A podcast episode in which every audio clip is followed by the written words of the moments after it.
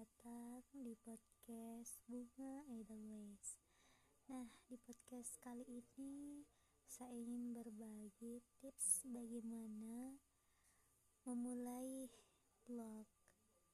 Jadi, untuk memulai blog itu kamu hanya perlu membuka akun di platform blogger gratis yang sudah disediakan seperti WordPress atau Blogspot, Kompasiana, Medium, dan lain-lainnya.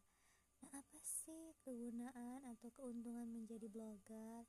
Jadi ada banyak loh sebenarnya keuntungan menjadi blogger.